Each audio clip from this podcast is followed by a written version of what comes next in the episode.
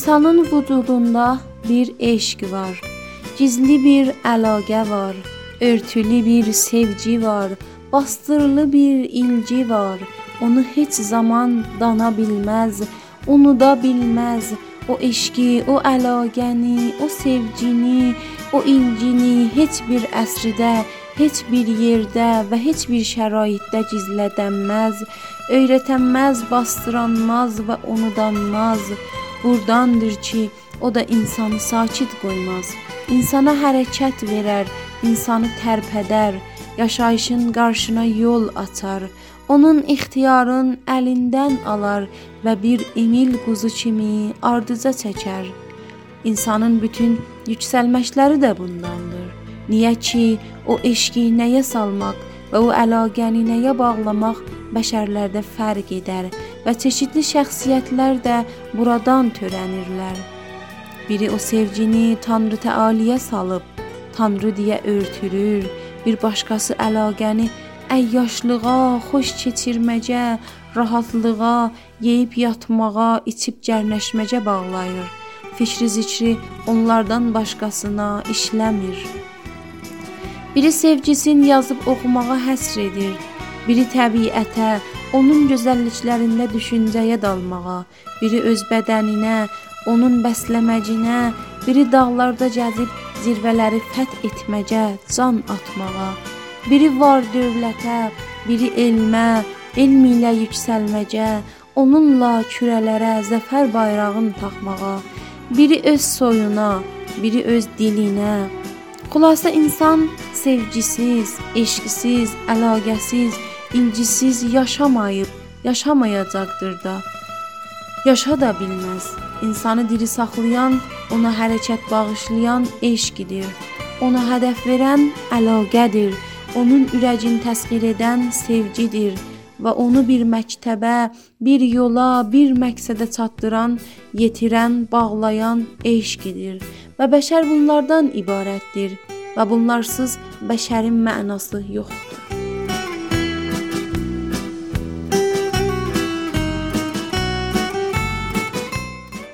بهرام اسدی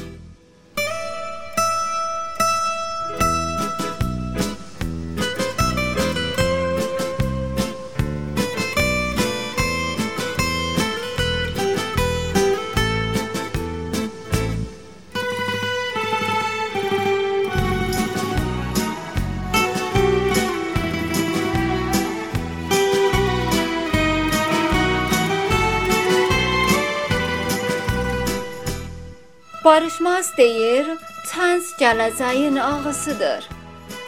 Bizlər siyasi və ictimai durumumuzun göstərməyinə azadlığın yerin boş göstərmək üçün tanz şivələrindən istifadə edirik və millət onlara gülür. Amma gələcəkdə onlara baxıb ağlayacaqlar. Niyə ki biz yazıqlığımıza gülürük?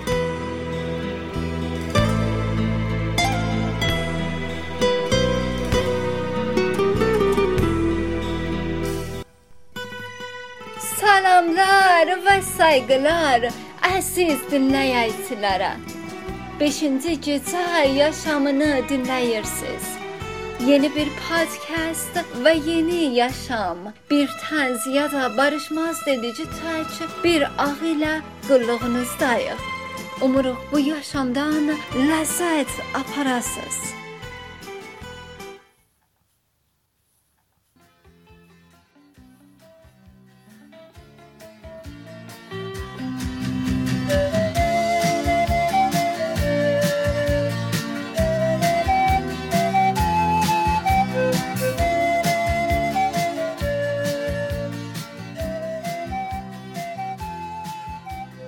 Vax, vax, vax, olan bu nə işdir, belə də iş olar.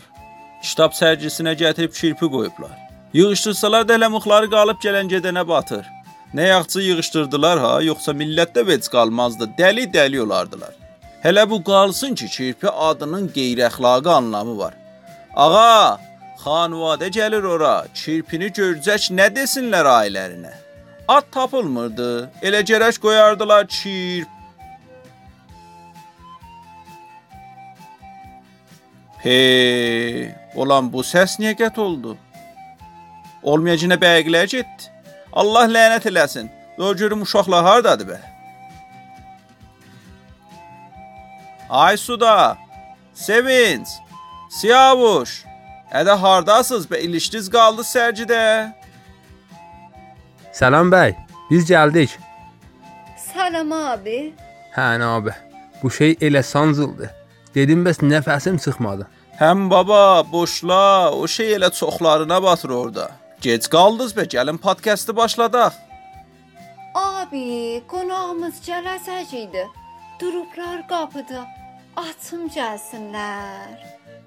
Sizin nə deyim olasınız? Necə hər oyun gətirirlər başımıza? Qonaqlar qaldı qapıda. Açın gəlsinlər. Ya Allah, ya Allah, biz gəldik. Xoş gəlibsiniz bəyəfəndilər. Sayğılarımız Ziyafət müəllim və Mətləb müəllimə, Quzeydən gələn əziz qonaqlarımıza. Sayın Ziyafət müəllim, cənabların qulluğundayıq. Əziz dinləyicilər, sayın Ziyafət müəllim bizi söhbətlərindən faydalandıracaqlar. Buyurun lütfən. Əzizlər, hamınıza salam. Rəsul bəy sizə də salam. Gənc artistlərimiz Sevinç və Aysuda xanıma da salam. Ancaq türkcə Twitter axağının dinləyicilərinə həsrət. Niyə ki, gecə yaşamı yayınının əməkdar artistlərinə dəstək verməyib və yoldaşlarına iştirak etmirlər. Ancaq mətləb müəllim və mən yanı efirimizdən bütün məmnuniyyətlə sizin görüşünüzə gəlmişik.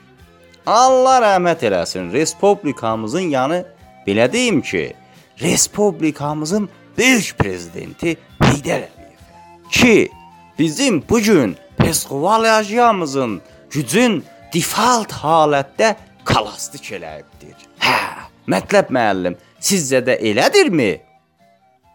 Vallahi ziyafət müəllim, mənə elə gəlir ki, bugünkü ziyafətimizdə Respublikamızın əməkdar artisti Zahidə Nağdaniyevanın yeri boşdur. Onun yanı belə deyim ki, onun kifayət qədər statusu bizim məşğulvajiyamızın istivasiyasına uyğun olmuşdur. Amma neynəmək ki, bu gün kənarımızdan deyil. Mən belə düşünürəm ki, hamısının illəti bizim düşmənlarımızdadır, yəni. Allah lənət eləsin bizim düşmənlarımıza. Nə çəkiriksə onlardandır ziyafət müəllim. Bunlar bu gün bizim bu ilhamımızı da bizə çox görmək istəyirlər və bunu püsünkar halətdə default eləmək zorundadırlar. Yəni belə deyim ki, Allah bizim bu ilhamımızı bizə yəni belə çox görməsin. Bizim nə varımızsa ilhamdandır. İlham Əliyevdəndir. Onun gözəl atası Heydər Əliyevə də Allah rəhmət eləsin. Və mən bu gün yəni gələndə İlham Əliyevə bir aşıq dastanı yazmışdım ki, yadımdan çıxdı, evdə qaldı. Gələn görüşümüzün, yəni Peşkoval Aziyasının intervasiyasının istivasiyasında hətmən sizə gətirəcəyəm. Məmnuniyyətlə. Sayın Ziyafət müəllim, mən sizin bütün ifalarınızı dinlərəm. Gözəl və ürəyə yatan ifalarınız var. Olursa bizim bərnamədə isə birini ifa edin. Valla Rəsul müəllim bizim yəni belə deyim ki, bizim Azərbaycan Respublikasının bütün hər yerində ifalarımız olub. Mənim yadıma gələn bir dənə mahnı var idi, yəni Sovetlər dövrü oxunmuşdu. İndi isə onu ifa etmək istəyirəm. Efirimizdən bir problem yox isa, mən bu mahnını ifa edim. Alqışlarımız Sayın Ziyafət müəllim. Buyurun lütfən. Mətləb müəllim, Bir tane yazı malaban ifa eləyin. Yani ardıyca bizim evimizden oxuma gelsin. Merende gittim hoya koymadılar. Merende gittim hoya koymadılar. Bezendim gittim toya koymadılar. Bala beğendim gittim toya koymadılar. Balaza gelin, hırdaza gelin maşallah. Koyarın asın ben seni alım inşallah. Bala koyarın asın ben seni alım inşallah. Ay seni boş kap seni neyner sene? Yarın yar olsa günün neyner sene? Bala yarın yar olsa günün neyner sene? Həyətləri qələmə Doyun gedin Həyətləri qələmə Gedin deyin nənəmə Mən o qızı sevmişəm Oruç tutmur ki mənə Oruç düşmür ki mənə Yalan dünya Yalan dünya. Hamını dərdə salan dünya Salan dünya. Ölümə çarə olan dünya Olan dünya. Su gəlir quruq quruq Suva vururam yumruq Desələr yarın gəlir Canı verirəm muştuluq Canı verirəm muştuluq Yalan dünya Yalan dünya. Elmə çarə olan dünya Olan dünya. Mənə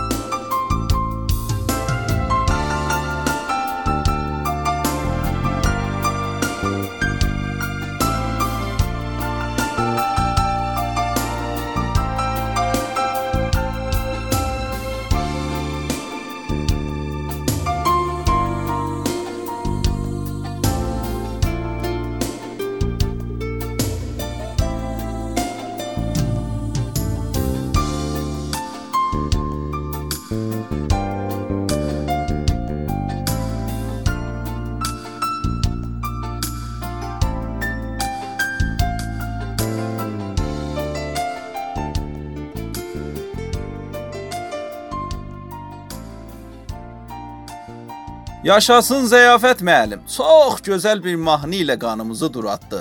Sağ olun əziz Rəsul müəllim. Allah yanı belə deyim ki, sizi bizə çox görməsin. Sevinç, Telegramdan nə xəbər? Abi, Telegram axaqlarını araşdıraq. İlk öncə hə, burada görürəm ki, yazıb Beynəlxalq Kuruş günüdür. Mətləb müəllim, sizin nəzəriniz bu gün üçün nədirmi? Yəni belə deyim ki, bu xəbərin doğruluğunu bilmək üçün izin versəz mənim bir şuruşçu tanışım var. Onunla bir əlaqə qurub və ondan soruşaq. Əla, əla, bağlantı qurun müəllim. Onlardan sorğu-sual edək. Dayan görüm tapa bilərəm adın. Aha. Daruş Məzqani 13. Tapdım. Əlbəttə ki, onlar Daruş Məzqani 13 deyirlər, 13 yox. Qəribə adı var bu dostunun. Alo. Alo. Daruş bəy, yaxşısan? Salam ağa mətləb. Yaxşısınız? Mən də salamlayıram sizi. Qız o səninki deyil. Abrımız getdi ver sahibına. Kat elə, kat elə qardaş yenidən. Abi, burada belə yazmışdı, oxudum da.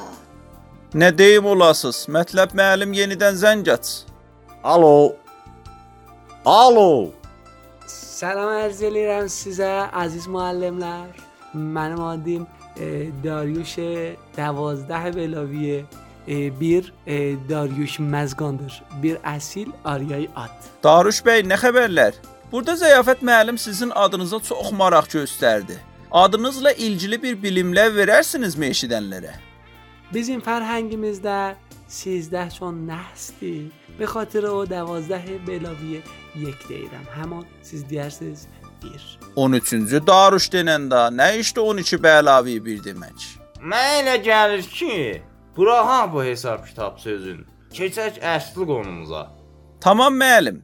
Daruş bəy, bu gün kuruş günü yazılıb Telegram axaqlarına. Buna ilgili bizə bir məlumat verə bilərsiniz? بله صحیح دی رسول معلم. امروز روز جهانی کروش کبیر دی. من ازم ترکم ولی میهنم ارقی ملیم واردی آخه هیچ بی جون سایار و تقویم ده بونو بی گرمممشش بیز صحیح دی فرمایشیز.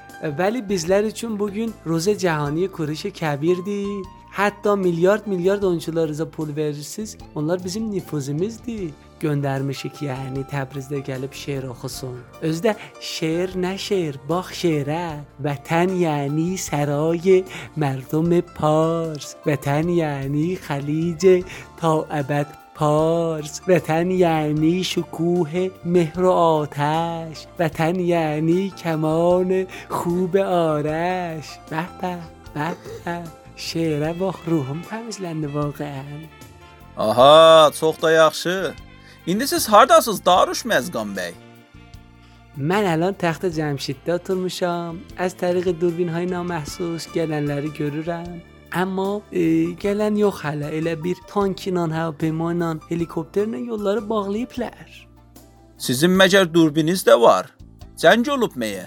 İttila xasım yoxdur. Qurumumuzda yazıb Kuruş bütün sərayı Parsa dürbün qoşub. Biz hər nə qurumumuzda desələr ona inanarıq.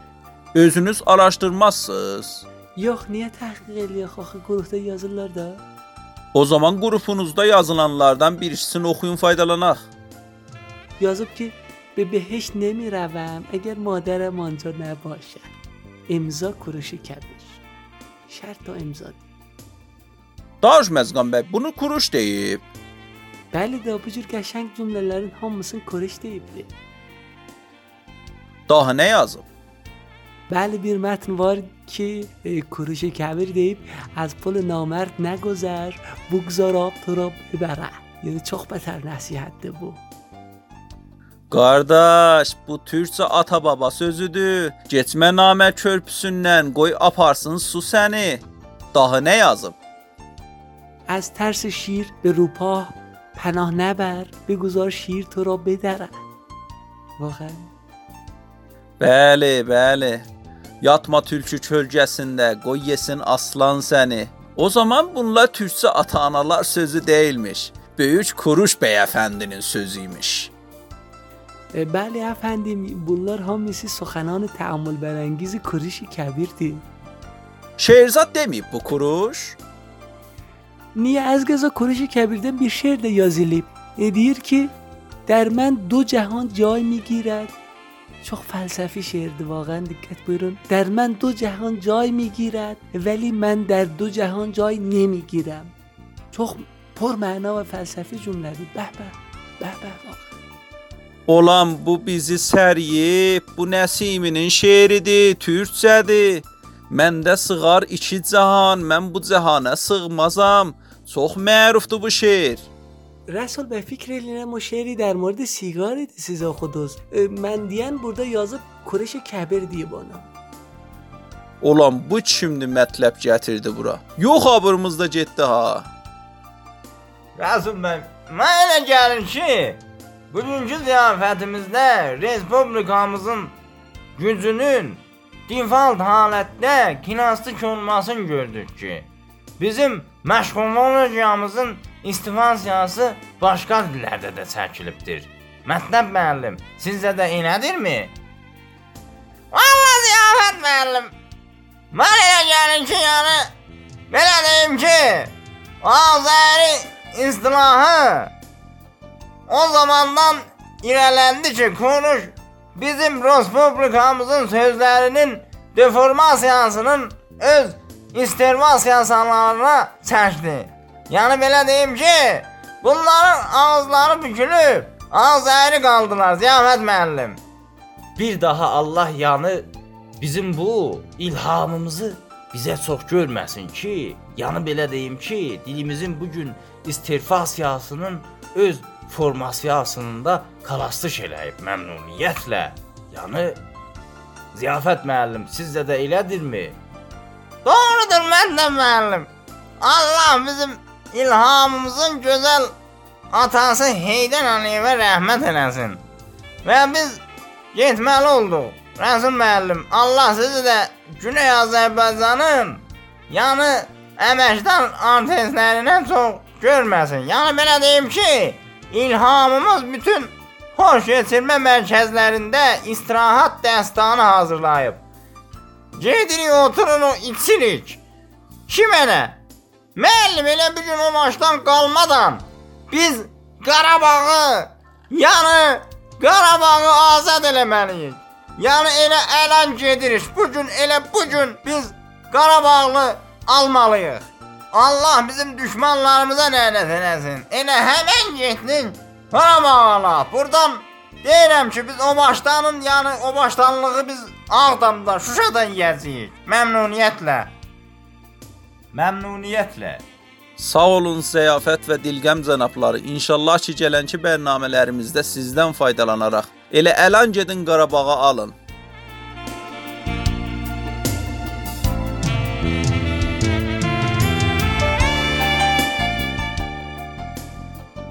Aziz dinləyicilər, bir şeir Nima Bərgüşadidən öz səsi ilə dinləyəcəksiniz.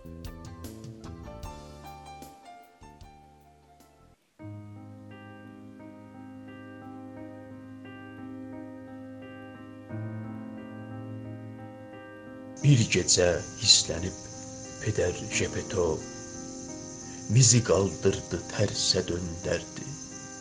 Burama can daha yetişdi dedi. Burnunu bir eliyle gösterdi. Gel bura ey Pinokyo, yo, yo. Çok uca bir sesiyle kışkırdı. İstəyirdi kəsə odun eliyə, gəlsə küllən kümünə yanmırdı. Dedi hər gün deyirsən evləndik. Bir tümən pul yoxundu ovcunda. Kişilikdən varındı tək bir şey. O da gəldi, oturdu burnunda. Həm quru, həm arıq və həm çirkin. Nə qədər pul yoxundu, dərdin çox. Ciblərindən bətərdi, beynim boş. Taxtadansan amma ki taxtdan yox. Durdu birdən Pinokio ayağa. Başladı dal badal yalan demeye. Ta uzandı burun jepetoyacan Döydü döydü ki düştü box yemeye. Dedi burnumla öldürüm seni. Məni pis güllərə salan sənsən Taxtalardan adam düzəldirsən Sən nə bir cür adam düzəldənsən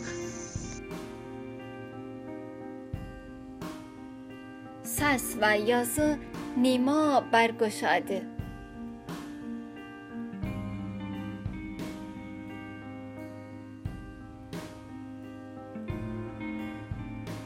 و bir satırık şeir Xeyrullah Haqbecidən.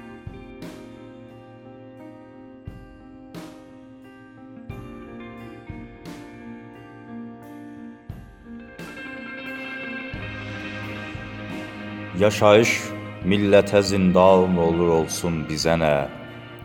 Yoxsulun halı pərişan olur olsun bizə nə?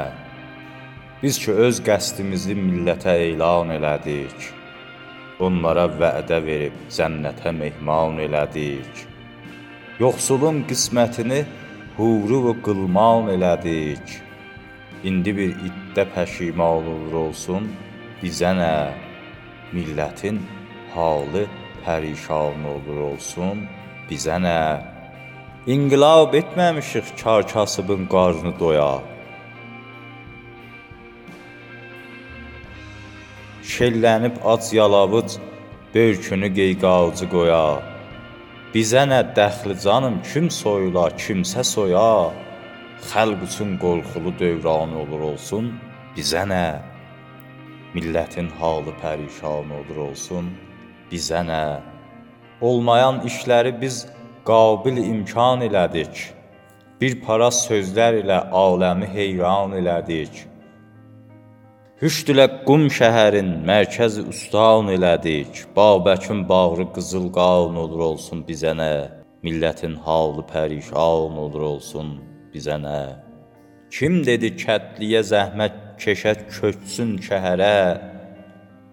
Orda bikar dolanıb başını salsın xətərə. Biz riza olmarıq yanı düşə dərdi sərə. Yoxsulun didəsi giryan olur olsun bizə nə? Millətin halı pərişan olur olsun bizə nə?